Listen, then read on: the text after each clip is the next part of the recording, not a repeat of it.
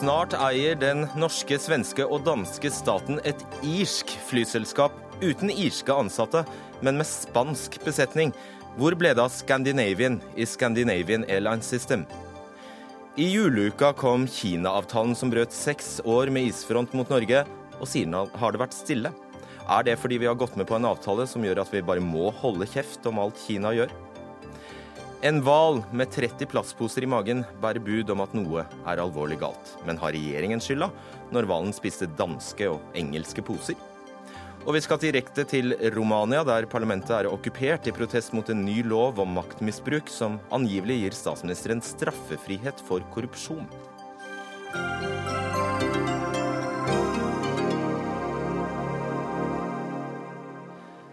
Da ønsker vi god kveld og velkommen til Dagsnytt 18. Jeg heter Fredrik Solvang. Gode, gamle SAS skal lage lavprisselskap. Selskapet skal etableres i Irland, der skattene er lave, og ha baser i Storbritannia og Spania, der lønningene er lavere enn i Skandinavia. Hørt det før?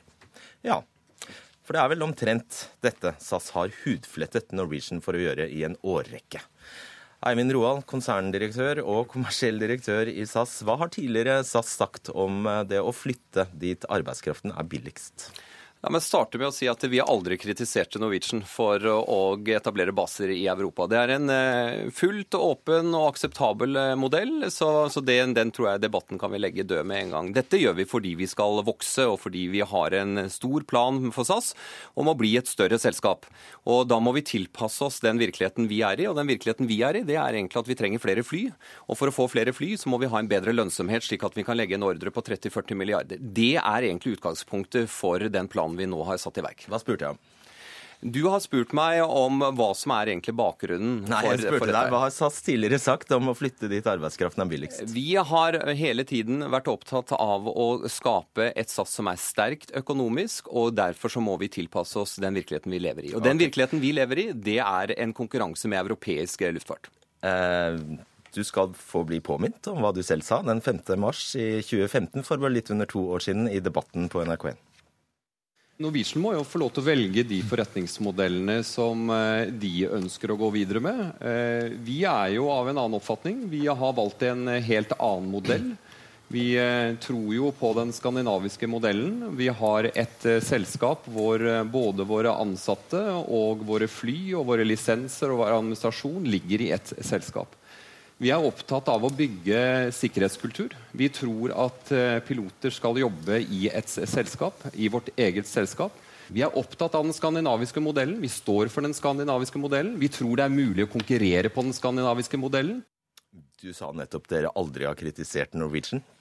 Nei, vi har ikke kritisert for å Begynne setningen med å nei, kritisere vi, Norwegian. Vi må skille på det. Det vi har sagt, er at eh, vi hele tiden må forholde oss til den konkurransesituasjonen vi er i. Og den konkurransesituasjonen vi er i, den flytter seg hele tiden.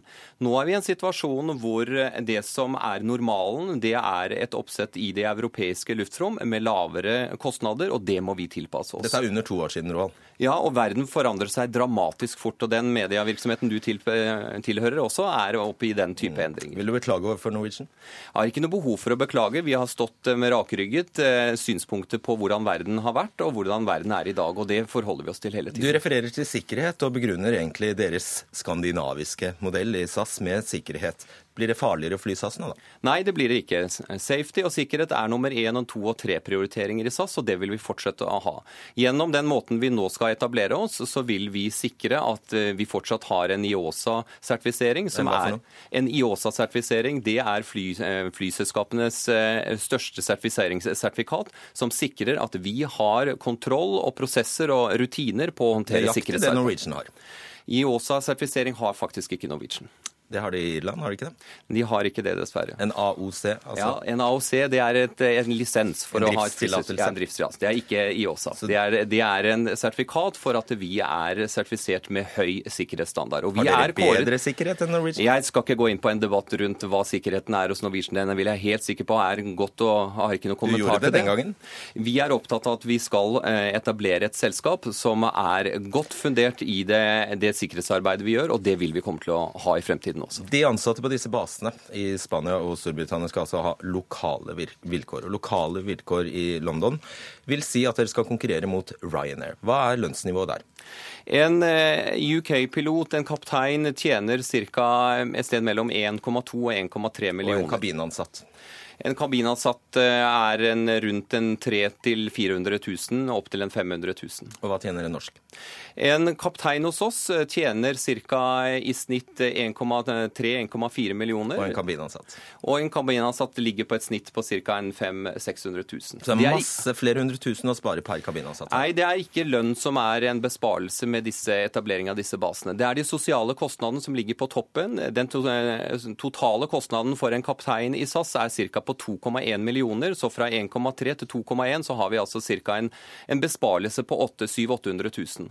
Og det, det, er utgangspunktet som vi må skille på. at det, Dette dreier seg ikke om noe lønnsdumping. Det er godt betalte personer, men vi har sosiale kostnader i det skandinaviske markedet som ikke matcher det europeiske markedet. Når du sier sosiale kostnader, så er det altså det vi kjenner fra den skandinaviske modellen, eh, Roald, og det vet du veldig godt. Det er sykelønn, det er pensjon, og det er eh, pensjonsrettigheter. Det er altså disse rettighetene som den norske og nordiske og skandinaviske modellen består av, som du nå vil undergrave?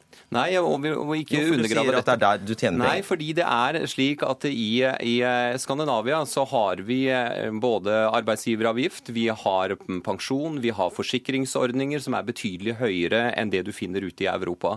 Vi har også, f.eks. i Sverige, så har vi knyttet til forsikringsordningen, så har vi skatt på forsikringsordningene. Så det er etablert et regime rundt de sosiale kostnadene kostnadene i Skandinavia. Sier du at de ansatte i Spania får like god sykelønn eller barselpermisjon som de får i Norge? Vi skal gå inn på enkeltdetaljer. Jo, det kan vi. Nei, fordi jeg tror ikke det, det egner seg egentlig i debatten. fordi da må, er det veldig mye flere data som må på bordet for at vi skal eh, sikre å ha et eh, riktig bilde på det. Skal de leies inn, eller skal de være fast ansatt i SAS? De skal i første omgang leies inn. Vi ser på muligheten til faktisk å etablere vårt eget bemanningsselskap, slik at eh, vi får de inn under konsernet. Hvorfor ikke ansette? Fordi et bemanningsselskap bemanningsselskap har en mulighet til også å leie ut til andre selskaper, slik at vi ser det som en mulig også forretningsidé fremover. Hvorfor setter du opp en driftstillatelse, altså en såkalt AOC, i Irland?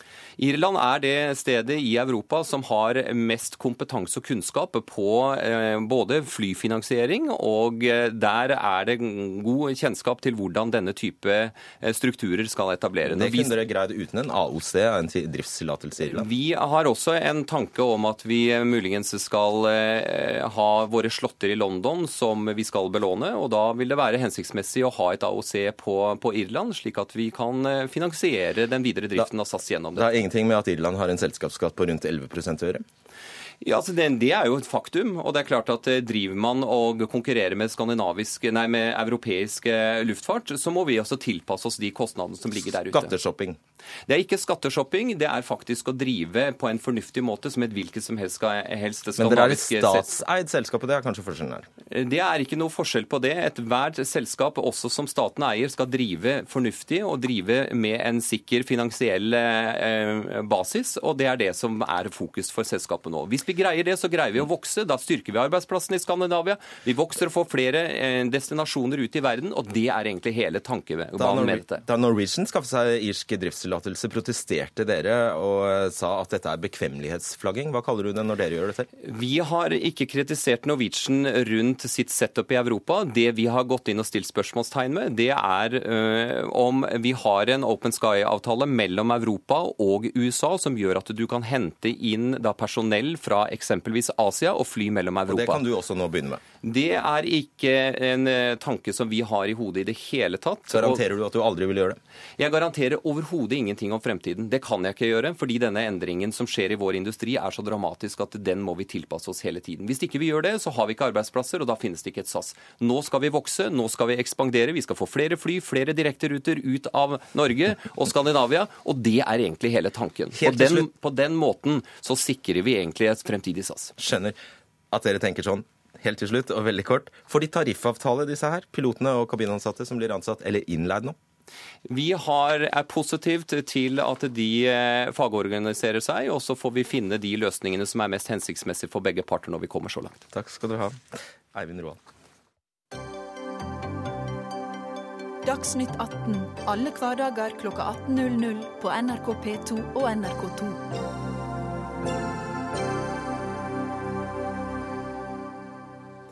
Det er vel ingen som ikke har fått med seg at luftfarten er i hurtig og stor endring om dagen. Og på få år har eh, tidligere SAS-kaptein Espen Høiby bygget eh, OSM Aviation opp til å bli verdens største bemanningsselskap faktisk i luftfarten. Han har ansatt over 2500 piloter og kabinansatte som bl.a. flyr for Norwegian og andre eh, selskaper. Velkommen hit, Espen Høiby. Takk for det. Du, eh, Har du lyst til å tilby SAS dine tjenester? Vi tilbyr eh, tjenester til alle de som eh, vil ha våre tjenester, så det er helt klart at vi vil det. Så det å sette opp en base for dem i Storbritannia, London og, og, Spania, det er aktuelt? Ja, det får være opp til SAS å vurdere, men hvis de kontakter oss, så vil vi være klar. Vi har jo allerede en operasjon i, i London og Spania, så, så vi er klare til å ta imot nye kunder. Hvorfor har behovet for innleie blitt så stort i lufta? Fordi Vi ser at uh, luftfarten har behov for, uh, for uh, endringer, for hvordan man for, forvalter flybesetninger. De trenger større fleksibilitet. og så ser jeg også på en mulighet for, for, de, for, de, ansatte også. De oppnår flere muligheter og trygge, langsiktige arbeidsforhold. Dette er litt sånn som det var i skipsfarten for 25 år siden. Ja, Det skal vi komme til. Du har fast ansatte Eh, britiske ja. Det er helt korrekt. Fast ansatte. Vi, det, vi, ser det som veldig viktig at vi har en god relasjon til våre ansatte. Det er vår, eh, det viktigste vi har. Har vi ikke et godt forhold til de, så har vi ingenting å tilby. Mm. Og de har gjerne, de, du sier de gjerne må være organisert og gjerne må ha tariffavtaler. Hvorfor blir det da til tross for det rimeligere for Norwegian og andre selskaper å bruke deg? Ja, For det første så etablerer jo vi oss i alle de landene hvor, hvor vi tilbyr våre tjenester. Så vi har lokale kontorer. Det er klart at det er mer effektivt å tilby denne type tjenester, sånn som eh, forvaltning av eh, besetningene, utbetaling av lønn, HR-tjenester osv. Man kan fordele de kostnadene på flere kunder, så blir det billigere og mer effektivt. Samtidig som jo større vi blir, eh, jo mer fleksibilitet kan vi tilby. For det er jo en kjent sak at f.eks. her i Skandinavia så er det mer produksjon på sommertid enn det er på vintertid. Og flere av de store operatørene opererer med en 30% overkapasitet på vinteren. Vi kan da eh, på frivillig basis tilby eh, de ansatte å flytte ut eh, f.eks. til Karibien, som vi gjør for noen operatører. Mm. Eh, apropos skandinavisk. Det er jo en kjensgjerning, selv om Roald ikke helt eh, vil gå med på det, at lavere sosiale kostnader er også et annet ord for f.eks. dårligere pensjons-, sykelønns- og permisjonsordninger. Er du da med på å uthule det vi ofte skryter av som en skandinavisk eller norsk modell? Nei, snarere tvert imot. Vi, vi tilbyr, som jeg nevnte, større fleksibilitet. Vi har gode pensjonsordninger forsikringsordninger. Vi har eh, eh tap av sertifikatforsikringer, vi har gode forsikringsordninger for, eh, for syke. Eh, F.eks. i USA, hvor de ikke har den samme sykelønnsordningen som vi har i Norge, så tilbyr vi dette på, på, i, i, form av forsikringstjenester. Så, så, det vil jeg ikke si. Vi tilbyr gode vilkår i de områdene hvor vi eh, opererer. Ja, og da er stikkordet 'i de områdene', for det, vi snakker hele tiden om eh, lokale vilkår? Ja, det er veldig viktig. Vi kan ikke tilby norske eh, vilkår over hele kloden. Det går ikke. Se litt inn i kula, i og med at du selv nevnte det og brakte det på banen. Kommer luftfarten til å havne der sjø, sjøfarten eh, er? Ja, Det kommer an på hva du mener med hvor sjøfarten er. Jeg tror At, at eh, f.eks. halvparten bare av de ansatte på norske skip er norske?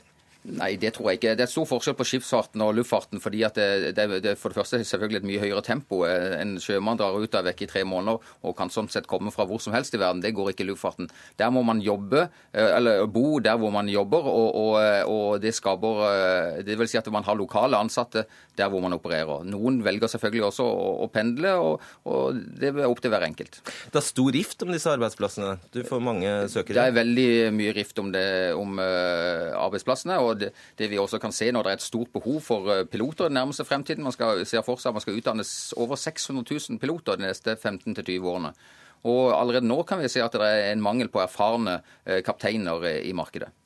Norsk Flygerforbund har varslet i DN at de ikke vil ha noe comeback fra deg i SAS.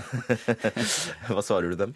Vel, jeg har ikke noe eh, behov for å ha noe comeback i SAS på noen måte, men eh, skulle, skulle, de være interessert i våre tjenester, så, så, så tilbyr vi de tjenestene til, til, de aktørene som etterspør den. Og to år om sikkerhet. altså Den bekymringen ble jo, som vi hørte her, fremmet for to år siden av SAS-ledelsen selv. Nå er det LO som er bekymret. Ja, det er klart. Det, sikkerhetskortet kommer stadig vekk opp. Eh, vi eh, fokuserer sterkt på sikkerhet. Vi, vi ivaretar den gjennom å ha en god eh, sikkerhetskultur i vårt selskap. Selvfølgelig er det alltid operatør sjåføren selv som er den eh, hovedansvarlige for sikkerheten om bord, men den er veldig viktig for oss.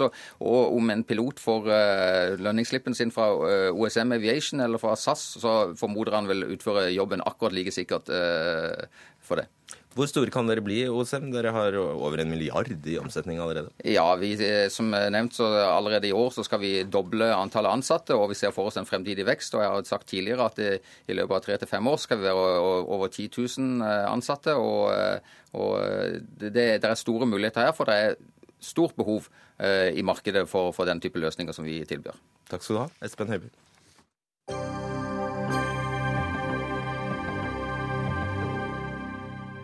Som sagt, det var en gang det bare var norske sjøfolk om bord på norske skip. Det var en selvsagthet. I dag er altså drøyt halvparten av de ansatte på norske skip nordmenn.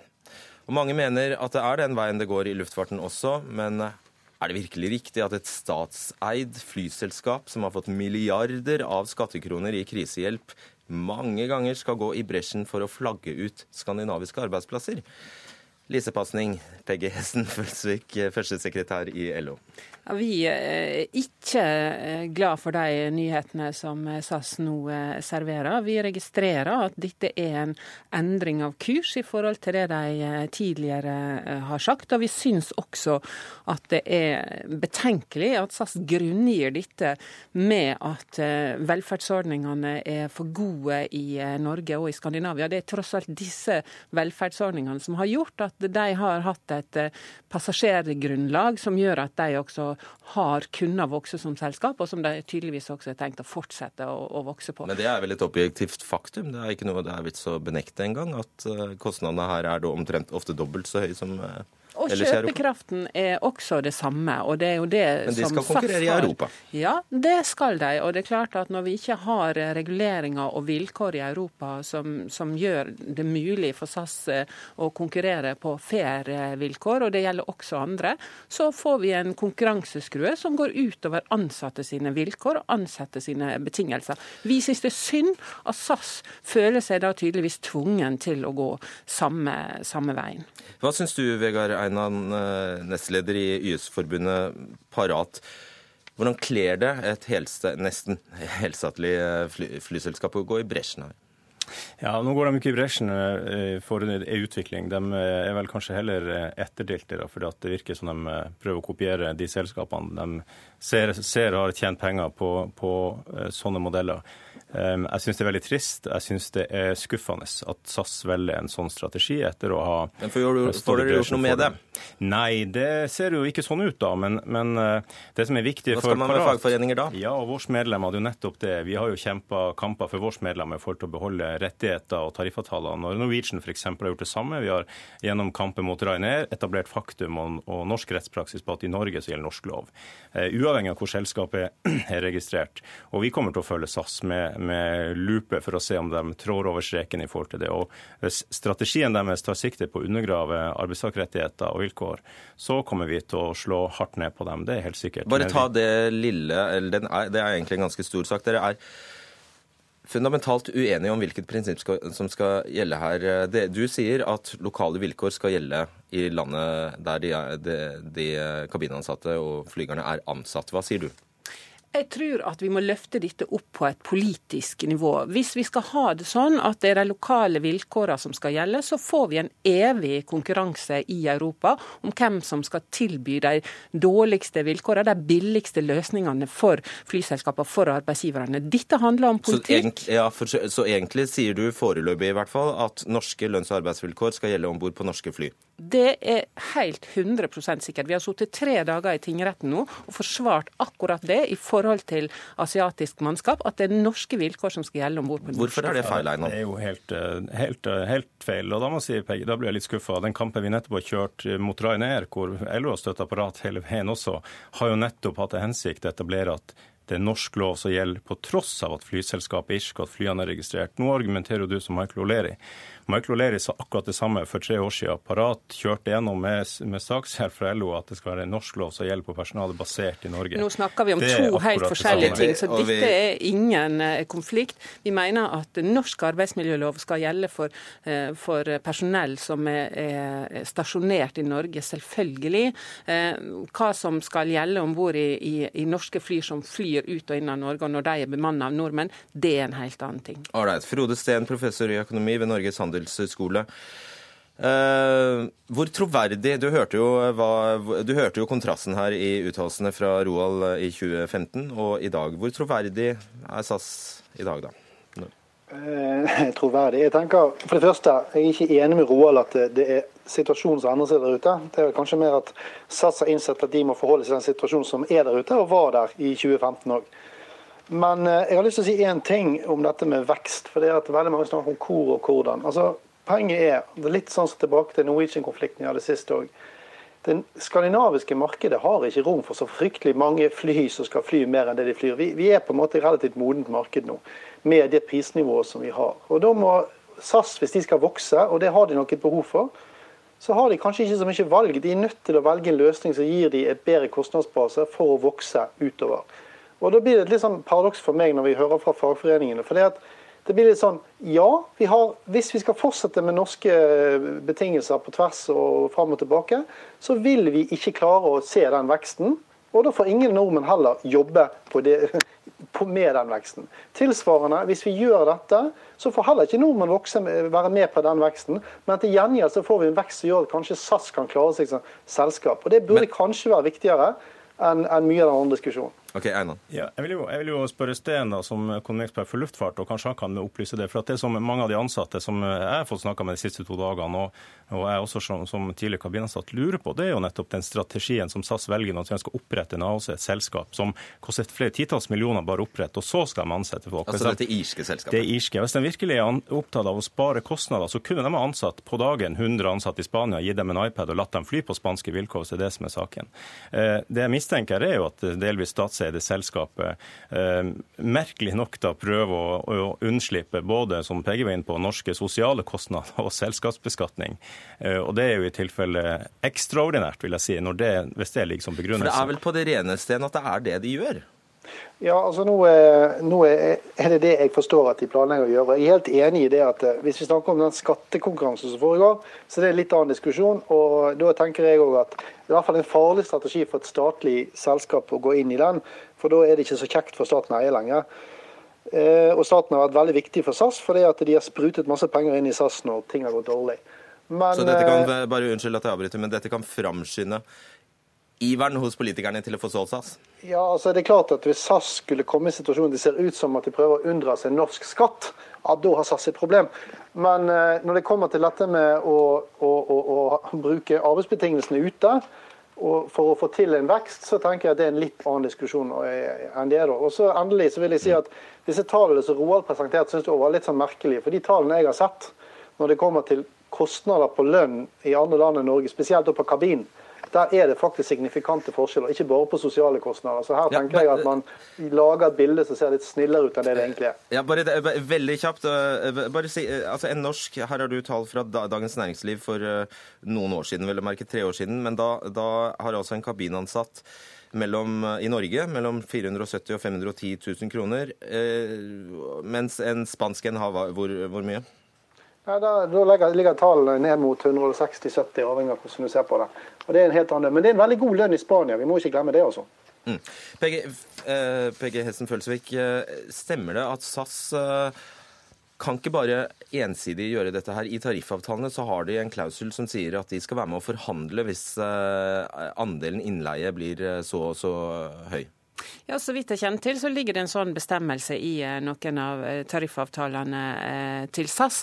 Men, men igjen, det er ting som, som lar seg løse via forhandlinger. Det vi er opptatt av her, det er jo det SAS nå faktisk gjør ved å flytte flytte ut av landet ved å flagge flyene sine ut av landet og kaste seg på den karusellen med regelshopping som finnes i dag i Europa. Og Det er det som sagt bare én måte å løse på, og det er å få på plass politikk som gjør at dette ikke er mulig. Vi er for konkurranse, vi er for sunn konkurranse, men vi er ikke for konkurranse som kun går på ansattes lønn og arbeidsvilkår. Da havner man eh, på Ryanair-nivå til slutt, og dit vil vi ikke. Melde oss inn i EU, eller hva har dere tenkt å gjøre da? Ja, Det er i hvert fall åpenbart at det europeiske luftfartsmarkedet, som er et, et eh, monopolbrett med 28 forskjellige regelverk, ikke, ikke, favoriserer norske arbeidsplasser. Det er helt sikkert. Og det er klart, eh, Skiftende norsk luftfartspolitikk, som den siste flysettavgifta også, er jo en, en, en, stor skade for norske arbeidsplasser. Og Man kan jo om ikke annet si at politikerne til stadighet får se konsekvensene av sin politikk, spesielt i luftfart. og det føler vi ansatte her klargjør jo, ja, her klargjør jo altså Roald at de skal kunne organisere seg, disse her, og de, skal være, og de er fast ansatt, ansatt hos Høiby, og de får tariffavtaler. Så hva er egentlig problemet? Nei, Problemet er jo ikke om det organiseres eller ikke. Det er ikke det som er saken. Saken her er at det er norske arbeidsplasser, skandinaviske arbeidsplasser som flagges ut. Eh, og de lønningene som Roald eh, presenterte, de, eh, de, er så bra at jeg tipper at alle Parat sine medlemmer i luftfart ville ha søkt i kabinen ville ha søkt hvis det er reelle lønninger. For det, det, er bare tull. Det er mer i den størrelsesorden som Frode Steen sier, det er fra 150 til et par hundre tusen. Og det er langt under norske og skandinaviske lønnskostnader. Eh, Frode Steen, hvem er det SAS tar mål av seg til å konkurrere mot nå? Er det Ryanair og EasyJet, eller er det andre? Jeg håper for SAS sin del at det absolutt ikke er verken Ryanair eller EasyJet, for da går de på en skikkelig kule. Nei, jeg vil jo tro at de går på de andre nettverksselskapene i Europa som er, ligner litt på SAS. Men, uh, som hvem da? KLM, eller? Ja, KLM, British Airways osv. Men det er litt viktig igjen. Jeg syns denne diskusjonen blir litt sånn rar. Hvis poenget er å lage ny rute fra London si, til New York med et SAS-fly som skal mates fra Skandinavia med SAS-personale inn til London, så er dette helt supert, tenker jeg. For Da vil du få en vekst og en mulighet for SAS til å vokse. og ville, Dette ville aldri skjedd om den, pilotene og, og, og kabinansatte som skulle da reise London til New York, hadde hatt norske betingelser. For vi klarer ikke å konkurrere med de andre selskapene. Uh, ja, Følsvik. Ja, Det er jeg faktisk ikke helt enig med. For når du ser på transatlantiske eh, fløyter, så er det faktisk ikke lønnsforskjellene som er de eh, drivende. Det er helt andre ting som er, som er drivende når det gjelder kostnader i så måte. Så der er jeg faktisk ikke enig med Steen i utgangspunktet. Den, den forskjellen lar seg oppveie med en så liten andel på billettprisen at okay. der er det helt andre ting som gjelder. Ja, dette er bare tull. Unnskyld at jeg sier det. Hvorfor har Norwegian valgt dette på langdistanse? De gjort da? Er det fordi at eh, de skal bare tjene ekstra penger, eller fordi de skal overleve i den bransjen? Det er fordi de skal tjene ekstra penger, og derfor prøver de seg på grep som ingen andre har gjort før dem. Vi setter strek. Takk. Peggy Hessen Følsvik, Vegard Einan og Frode Sen. Hør Dagsnytt 18 når du vil. Radio NRK Radio.nrk.no.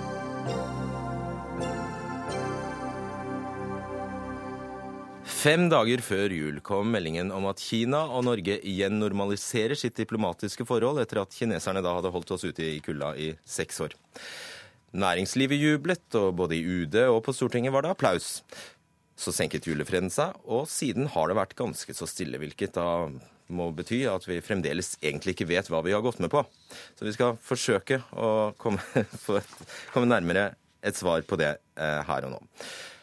I dag kom det en eh, avvikende tolkning av denne Kina-avtalen fra deg, Kåre Dahl Martinsen. Du er professor ved Institutt for forsvarsstudier. Eh, du skrev en kronikk i eh, Dagbladet. Først skal jeg bare lese en setning fra avtalen vi snakker om. Det står altså her at den norske regjeringen gjentar sin forpliktelse til ett-Kina-politikken, respekterer Kinas suverenitet og territorielle integritet, legger stor vekt på Kinas kjerneinteresser og store bekymringer.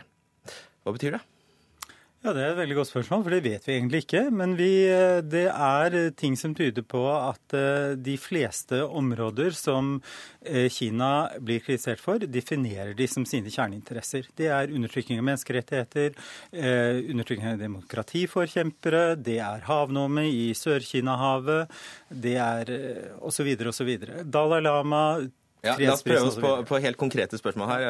Nesten ja eller nei-runde. Hva, og dette går, blir jo eh, ditt skjønn, da. Kan vi kritisere forholdene i Tibet? Nei.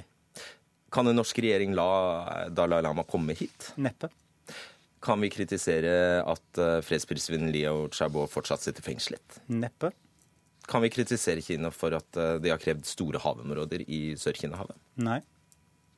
Men jeg håper jo at jeg tar feil, og hvis det er riktig som Børge Brende sier, at vi får et offisielt kinesisk besøk hit, så kan jo selvfølgelig ledelsen i UD og regjeringen motbevise det, mine antakelser. Det, det kan de. Tror du vi kan mene noe i det hele tatt hvis det oppstår en militær gud forby, en militær konfrontasjon i Sør-Kina-havet? Nei, det tviler jeg neppe på at vi kommer til å gjøre. fordi hver gang Børge Brende har fått konkrete spørsmål om dette her, så har han jo avvist det som helt hypotetisk. Tror du vi kan kritisere Kina for overgrep mot uigurfolket, minoriteten? Nei, det tror jeg ikke, for dette definerer de som sin nasjonale interesse. Og de har, de har jo samtidig også definert alle som motsetter seg Beijings politikk, som terrorister. Hvis, eh, og helt hypotetisk selvfølgelig, hvis eh, Kina, eller regimet i Kina skulle finne på å sette inn stridsvogner og skyte mot demonstranter på en åpen eh, plass, kunne Norge ha sagt noe? Ja, Da skal det jo veldig mye til at man ikke sier noe. For det vil jo være et så eklatant overgrep at da blir det direkte pinlig om Norge ikke sier noe. Og det er litt farlig at vi nå befinner oss i den situasjonen her hvor vi har bundet oss på hender og munn eh, mot å kritisere Kina hvis det skulle komme til et så sterkt brudd på menneskerettighetene at verden måtte reagere. Men da antar jeg at vi vil slutte oss til eh, protestene som måtte komme. Men på egen hånd har vi nesten ingen manøvreringsmulighet. Kan, ja, kan vi i det hele tatt ytre at vi eh, er bekymret for menneskerettighetssituasjonen i Kina? Til Kina? Ja, Det er jo mulig at vi kan ytre noe om den. Problemet med denne avtalen er at vi vet jo ingenting. Og det er jo interessant også at uh, her sitter jeg med en kollega fra Amnesty International. Det er jo ikke én politiker å oppdrive som vil forsvare denne avtalen eller forklare hva det er. Og lytterne og seerne skal vite at vi har invitert eh, utenriksminister Børge Brende, som ikke kunne. Det kunne heller ikke Arbeiderpartiet, noen andre i Høyre, i Frp eller i SV. Nei, det, det understreker er, kanskje det du Det er ganske interessant. Her har man også gått inn på en avtale som bryter med veldig vesentlige prinsipper for norsk utenrikspolitikk, og så kan de inngang gang komme og forklare hva den innebærer. Oppsummert til nå, da, eh, Kåre Dahl Martinsen. Må vi bare holde kjeft? Eh, vel, jeg har ikke tenkt å gjøre det, og det er noen andre med meg som ikke gjør det heller. Men det kan virke som den politiske holdningen er at her er det om å være så duknakket som mulig. Jon Peder Egenes, eh, fra, eh, altså generalsekretær i allerede introduserte Amnesty International Norge. Hvordan står det til med menneskerettighetssituasjonen i Kina? Nei, Den er alvorlig. Eh, og det, særlig det siste halvannet året så har vi sett en kampanje eh, hvor eh, rundt 250 advokater og menneskerettighetsforkjempere, men særlig advokater, har blitt arrestert. Ti av dem er tiltalt for å undergrave staten. De første har allerede blitt dømt til lange fengselsstraffer.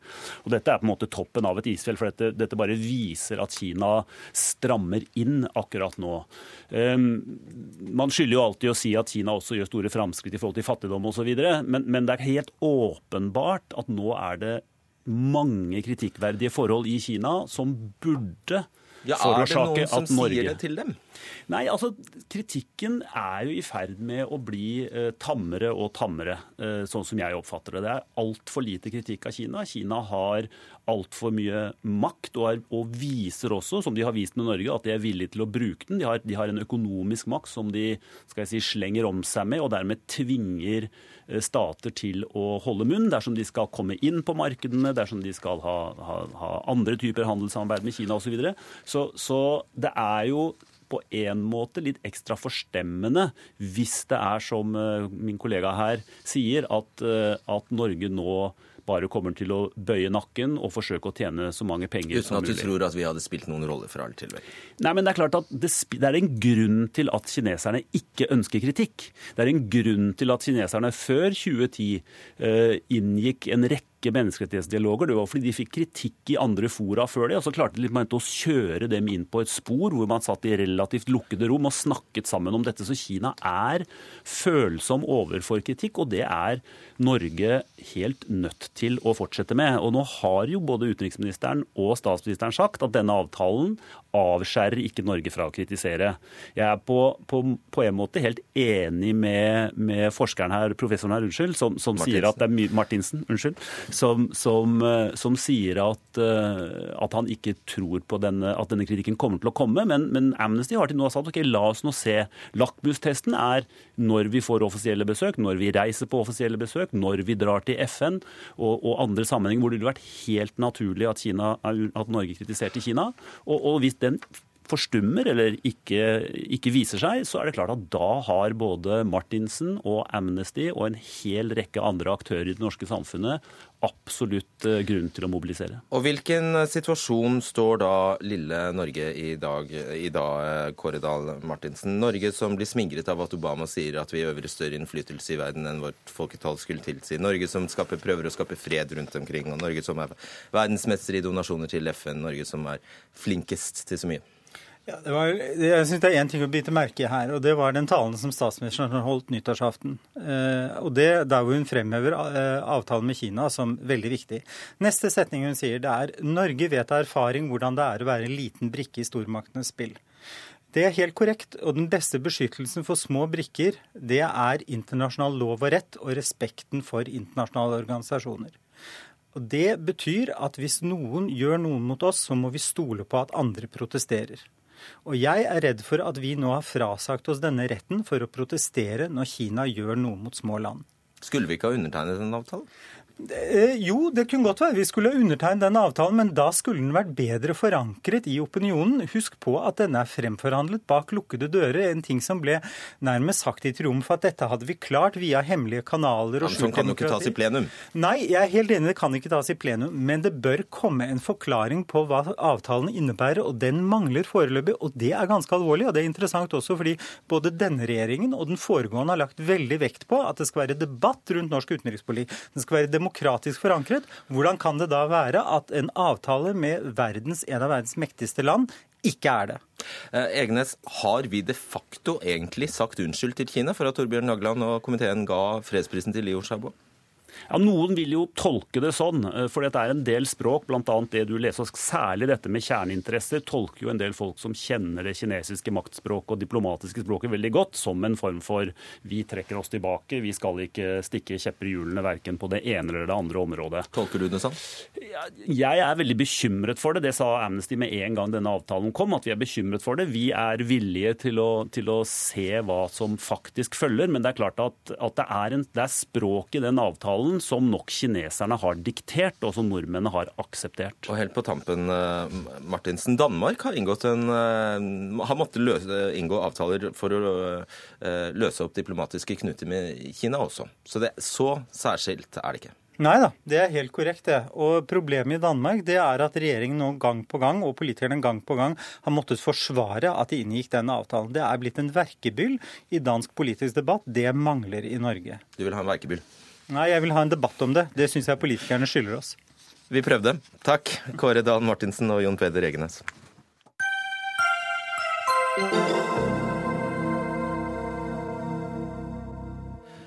En gåsenebbhval som ble funnet på Sotra utenfor Bergen i helgen, har ført til enorm oppmerksomhet rundt plastavfall i norske farvann.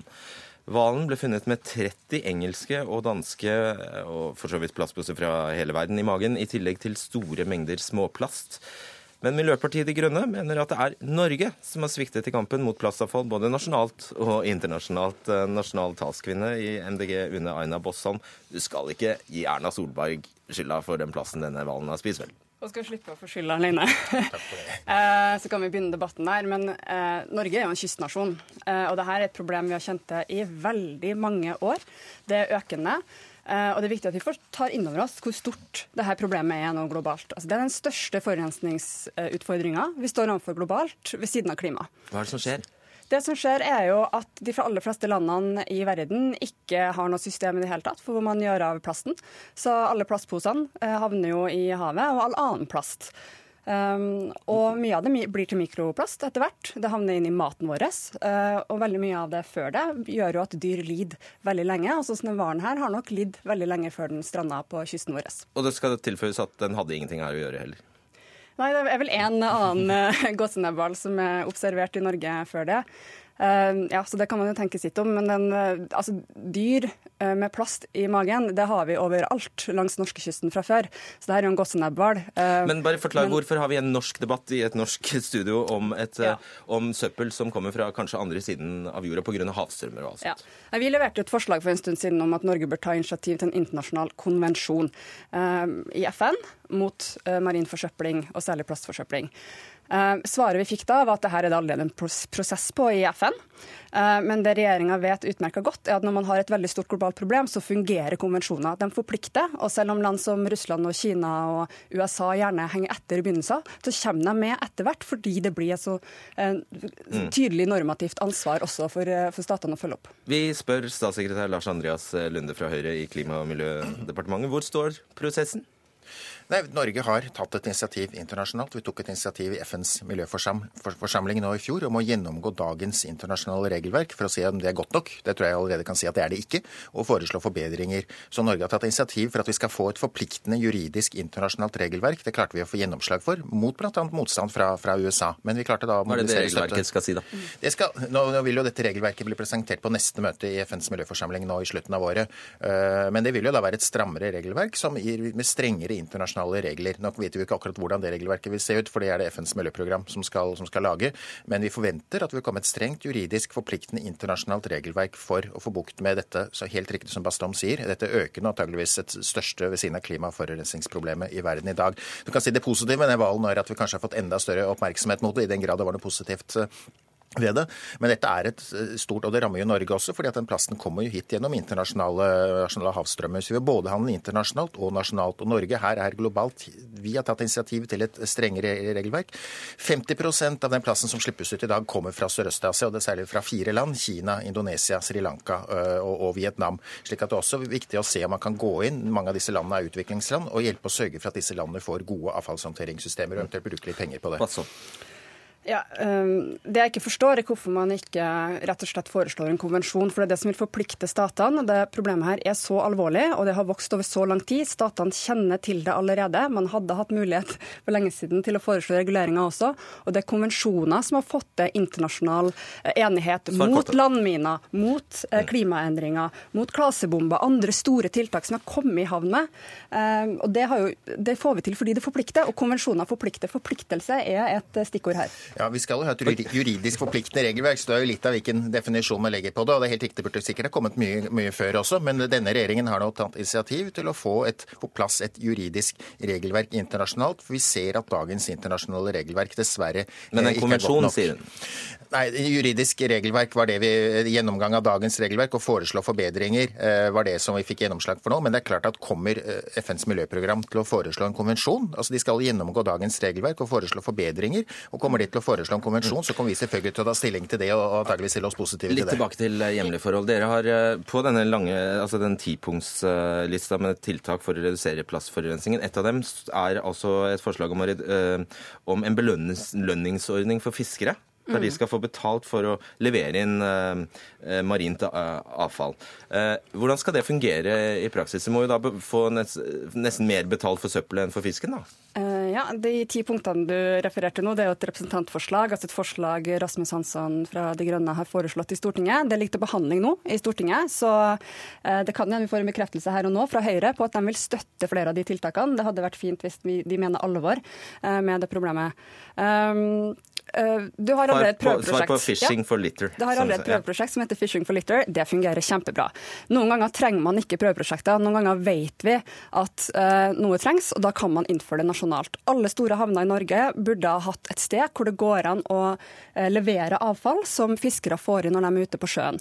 I dag er det ikke sånn. I tillegg så mener vi jo at de burde hatt noen form for insentiv, en belønning, dvs. Si en pris da på det avfallet, når de tar ja, det, det inn, fordi de gjør en innsats for fellesskapet. Og, og det var da jeg lurte på Eh, for å gidde å ta opp det søppelet, eh, mm. så må de jo ha ganske godt betalt framfor De tar vel kanskje det opp til fordel for i stedet ja, for fisk, da. Det blir jo neste steg i så fall, om vi skal ha skip faktisk. Det sannsynligvis kommer vi til å komme dit en gang i verden, at det går rundt, rundt skip for å ta opp søppelet. Men nå snakker vi i første omgang om fiskere som får med søppel opp når de fisker uansett. I dag så har ikke de noe sted å gjøre det avfallet på veldig mange av havnene i Norge. Eh, og de får, må i tillegg betale for å ta det med inn til land, fordi de betaler for å Det er jo helt absurd at du må betale betale for å bli kvitt søppelet? Ja, det er helt absurd. Nå, nå har jo dette forslaget fra, fra Miljøpartiet De Grønne ble fremmet for ganske kort siden nå i januar, og klima- og miljøministeren kommer om kort tid til å komme med et svar på det. Men jeg ser det, det er, det er mye interessant i det forslaget fra, fra Miljøpartiet De Grønne som er verdt å se mer på. Mye av det er ganske likt forslag vi har fått fra, fra Miljødirektoratet. Når det gjelder Fishing for litter, så er det helt riktig at dette har vært en stor suksess. Derfor vurderer vi nå å utvide dette til å være en nasjonal ordning for hele landet. At med et, gratis... med et økonomisk insentiv for fiskerne? Ja, først, først, at det skal bli gratis å levere inn. For det er som, som du sier, det er, helt, helt, det er helt absurd at de må betale en avgift. Men sånn er det nå i dag, og, og, at det i hvert fall skal bli gratis. Men så er det jo også i fiskernes egen interesse å levere dette. Fiskerne lever jo av havet, og at fisken oppfattes som ren. slik at vi mener jo at det er, også er i fiskernes interesse å levere dette inn. Og særlig når det er gratis, så skulle det ikke være noe som skulle hindre dem i hvert fall i å levere inn dette på, på avfalls, til avfallshåndtering i havnene. Og så to ord om plastposeavgift. Ja, vi foreslår jo en emballasjeavgift um, som går på emballasje som ikke er nedbrytbar i naturen. Uh, vi har masse teknologi og masse kunnskap nå til å gjøre det helt unødvendig egentlig å bruke plast i vanlig hverdagslig liv. Um, så det burde man absolutt ha på plass insentiver for. Og vi foreslår jo også en økning i panten på flasker. Den har ikke blitt økt på veldig mange år. Så nå begynner vi plutselig å se at folk kaster flaskene i naturen igjen, som man har unngått veldig, veldig mange år fordi man har hatt en pant som faktisk virker. Nå har den begynt å slutte å virke. Plastposeavgift? Ja, nå kommer det, kommer det rett før jul et, et forslag til et EU-direktiv om redusert bruk av plastposer. og Det vil vi også selvfølgelig implementere i Norge. og Avgift kan være et eksempel på, på hvordan man kan implementere dette. Det, vi har, vi har ikke så gode erfaringer med en sånn avgift fra forrige gang, så klart vi må jo se dette nærmere. Men klima- og miljøministeren også nylig i et møte med bransjen, både dagligvarebransjen og avfallsbransjen, for å se hva de kan gjøre for å redusere bruk av, bruk av plast og, og, og, og bruk av plastposer. Ja, Det er kjempebra det regjeringa allerede gjør, det er veldig viktig å si. Men altså, man trenger mye mer muskler her. Det er et kjempestort problem globalt. Norge hadde også hatt mye mer legitimitet inn i internasjonale forhandlinger hvis vi gjorde mye mer nasjonalt for det her. Og når du sier at vi skal vurdere å gjøre fishing for litter, den her at fiskerne kan levere plast på land, til en nasjonal ordning, så håper jeg jo du mente at hvordan man skal få det til, ikke om man skal gjøre det. For det er jo en no-brainer på godt norsk at det her selvfølgelig burde finne sted. Ja, kan jeg bare egentlig få stille deg et annet spørsmål om den stakkars hvalen? For uh, han har jo ikke hatt det, hatt det godt. Nei, det er både hval og andre, andre, dyr lider dessverre av dette. Det er et enormt også dyrevelferdsmessig problem. Til skyld og sist så rammer det, oss mennesker også, for denne plasten blir jo, som Bastum også sier, brutt ned til mikroplast. Og, det, og, så spiser jo vi fisken, og jeg vet ikke hvor mange som spiser hval, men i hvert fall det ender jo opp i kroppen uh, vår til slutt også. Uh, når det gjelder fishing for litter, så mottok vi altså forslag også nå rett før jul fra Miljødirektoratet, så vi trenger noe tid til å gå gjennom de forslagene før vi fremmer forslag til, til oppfølging. Ja, det er jo sjøfugl nå over hele Norge som, som, eh, som altså, vil tape bestander av sjøfugl i hele Norge, og man regner jo med at en hovedårsak til det er plast i havet. Mm. Så det her er enormt. Og ingen likte å se denne hvalen, det er helt sikkert. Takk skal dere ha, Unna Aina Bosson og Lars Andreas Lunde.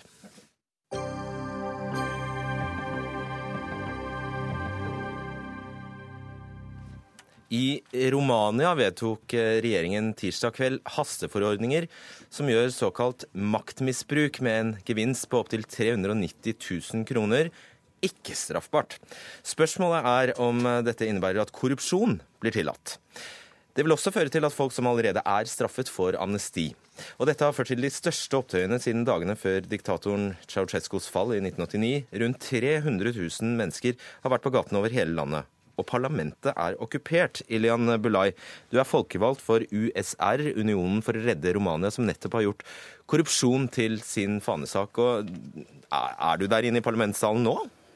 Ja, jeg er i parlamentssalen nå, og sammen med mine kolleger er her i, i det rumenske parlamentet. Altså, vi har okkupert eh, talerstolen til det laveste parlamentkammeret i Romania, som heter Camera Deputatsilor. Og vi er solidariske med folk i gata som protesterer mot disse hastevedtak som regjeringen kom med for to dager siden, midt på natta. Og Hva mener du veldig raskt det, det, det hastevedtaket innebærer?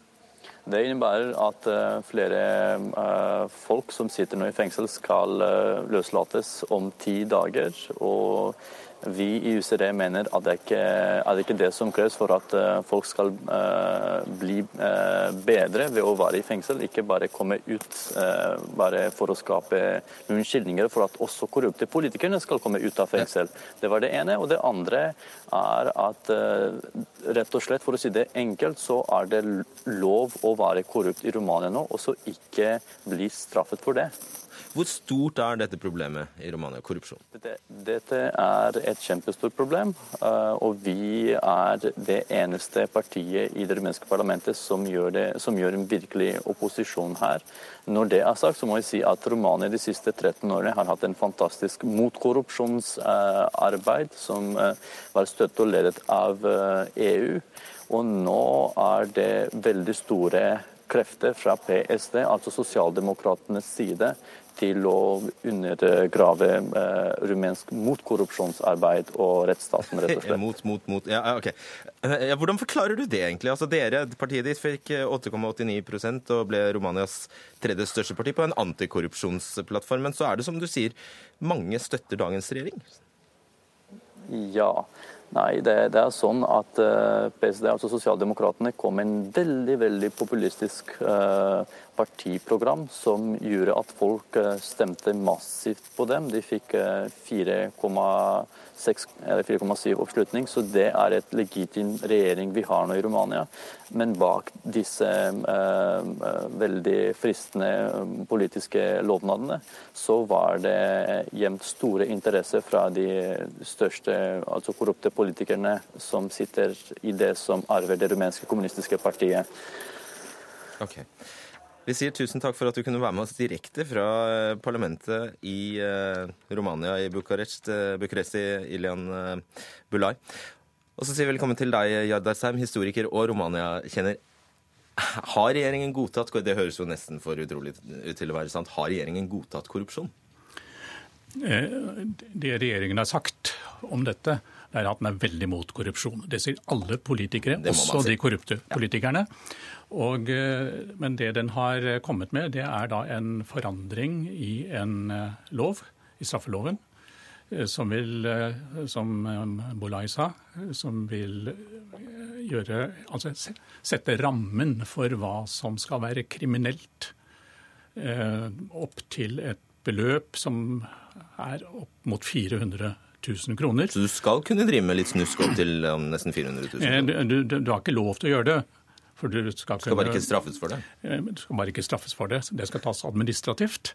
Og, eh, så det, det, det som regjeringen da sier, er at denne forandringen som de har da tatt som et sånt dekret, det er noe de gjør for å rette opp skjevheter i eh, lovgivningen fra før. Uklarheter som er blitt påpekt av konstitusjonsdomstolen tidligere. At de nærmest har en plikt til å gjøre det. Men så kommer det da på denne måten her, og med en, denne summen som er en klar invitasjon til å fortsette med korrupsjon, bare det ikke blir for store beløp ut av det. Og det er det folk har reagert på i store demonstrasjoner. Fordi det er sagt meg eiendommelig. Guro Slettemark, generalsekretær i Transparency International Norge. Du har snakket med flere, flere kolleger i, i, Romania i dag. Hva, hva er de bekymret for? Eller det er kanskje åpenbart? Ja, det er nokså åpenbart. Eh, de var ganske raskt ute med å skrive en uh, offentlig en høringsuttalelse til forslaget. Uh, og de er jo selvfølgelig imot dette. Uh, men de har også forsøkt å nyansere litt bedre for meg hva dette egentlig innebærer. vi hørte Bulai si her at flere folk skal løslates og korrupte politikere ut av fengsel osv. Det er nok en sannhet med visse modifikasjoner, fordi at sånn som jeg har fått, fått, fått dette forklart, så er dette forslaget, det at man skal frigi innsatte som er dømt for korrupsjon, det er litt sånn myteomspunnet. Eh, ifølge Transparency i Romania så er det eh, i den foreslåtte type sånn amnestiordningen eller eh, Der er det nettopp gjort et unntak for korrupsjonsforbrytelser. Altså at denne type kriminalitet ikke er omfattet av amnesti, eh, eller benå, det benådningsforslaget, da. Ja, og da ja, Egentlig snudde du framstillingen på hodet. Ja. ja. Og vi skal også ile til å eh, si at Bulai er jo en part. Ja. Så det kan Ja. Eh, ja, Seim. Ja, nettopp. Dette med, med løslatelse av fanger. Det, hvordan blir det presentert? av regjeringen? Jo, det er fordi Romania har overfylte fengsler. Og eh, dermed så vil soningsforholdene bli lettere for de som sitter inne, hvis man får et mer sånn kollektivt amnesti. Og selv om korrupsjon ikke er med der, så skal dette, dette skal opp som et ordinært lovforslag, ordinær lovbehandling. Og da er det en del som sier at ja, men da kan jo komme mange tilleggsforslag, og ingen vet hva som blir resultatet av denne loven når den har gått gjennom hele kverna i parlamentet. Nettopp, tror jeg forstår. Kjapt, altså Romania befinner seg i eh, et omland med, eh, med stater som virkelig har fått på pokeren for, for, korrupsjon. og har blitt, Romania har blitt ansett for, fått skryt fra EU for antikorrupsjonsarbeidet sitt, og så skjer dette. Ja, altså det har, eh, det har vært til å begynne med var det Etter kommunismens fall så var det veldig mye fritt fram. altså Privatisering i stor stil, og man brukte sine gamle forbindelser innenfor partiapparatene osv. Og, så og så eh, har det eh, nå en god del år vært et eh, ganske mye bedre antikorrupsjonsarbeid, og det er blitt høytstående politikere er straffet, inkludert en tidligere statsminister som har sittet i fengsel. Så, så dette har vært alvor, og, og det finnes lister over politikere som er blitt tatt. Eh, og hvorfor kommer dette nå? Eh, jeg tror at eh, det er det som ligger bak, er et ønske om å gjøre livet litt lettere for mange politikere. Mm. Hva er ditt inntrykk? Nei, altså dette her er jo veldig kritikkverdig på mange måter, egentlig. Altså For, eh, for det første dette med at uh, en, den, denne type lovgivning blir besluttet gjennom den type hastevedtak, er jo ganske kritikkverdig. Det viser vel også at det er lite klarhet i, i, prosessen og hva dette forslaget faktisk innebefatter. Eh, eh, sånn at eh, det man på en måte må Nå har jo også konstitusjonsdomstolen i Romania fattet interesse for, for dette og vil trolig komme til å behandle det. Og det man vel må forvente, er en, at dette er et lovforslag som blir gjenstand for en mye bredere og mer demokratisk prosess. Jeg tror nok at det er også eneste utvei nettopp pga. de store demonstrasjonene som, eh, som har vært og fremdeles pågår. Vi takket jo egentlig av Ilyan Ilian Bulai, men så kom det jo noen det, det kom jo noen påstander her som han kanskje kan ha kanskje kan ha interesse av å svare på. Så vi lar, vi lar han gjøre det. Bulai, du er med oss fremdeles. Takk. Jeg vil veldig gjerne svare til hun som representerer Transparency International. Og det er fordi protester har foregått i Romania de siste to ukene. Og det gjaldt det at amnestiloven i den første formen den var uh, skrevet, så, så gjaldt det også korrupte politikere som hadde betinget dom. Og det gjaldt uh, han som er leder for BSD. Og nå har de trukket det, og ikke uh, gi amnesti til politikerne, som hadde, altså korrupte folk som hadde en betinget dom for seg, men de har kommet på den andre siden med det andre hastevedtaket som gjør det, som gjør det rett og slett fritt for å stjele penger fra statens fellespotte. Og det gjelder det at det er en pågående sak som han, eh, lederen i PSD eh, er involvert nå, og det er ment for å hjelpe ham direkte. All right. Slettmark. Ja, Eh, det var jo greit å få den eh, oppklaringen. Jeg forsto det også på, eh, når jeg snakket med Transparency Romania, at dette hadde vært et forslag som hadde hatt mange faser. Mm. Men det vi diskuterte i dag, det var jo selvfølgelig det siste forslaget som forelå. Men her er det vanskelig å holde seg oppdatert på alle teknikaliteter. Det er i hvert fall sikkert og visst. Seim, EU-kommisjonen har protestert og sier de er urolig over utviklingen i Romania. Vi vet at Romania får masse penger fra, fra EU. Kan det en eh, Kan, kan, kan dette gå utover uh, pengestøtten til Romania?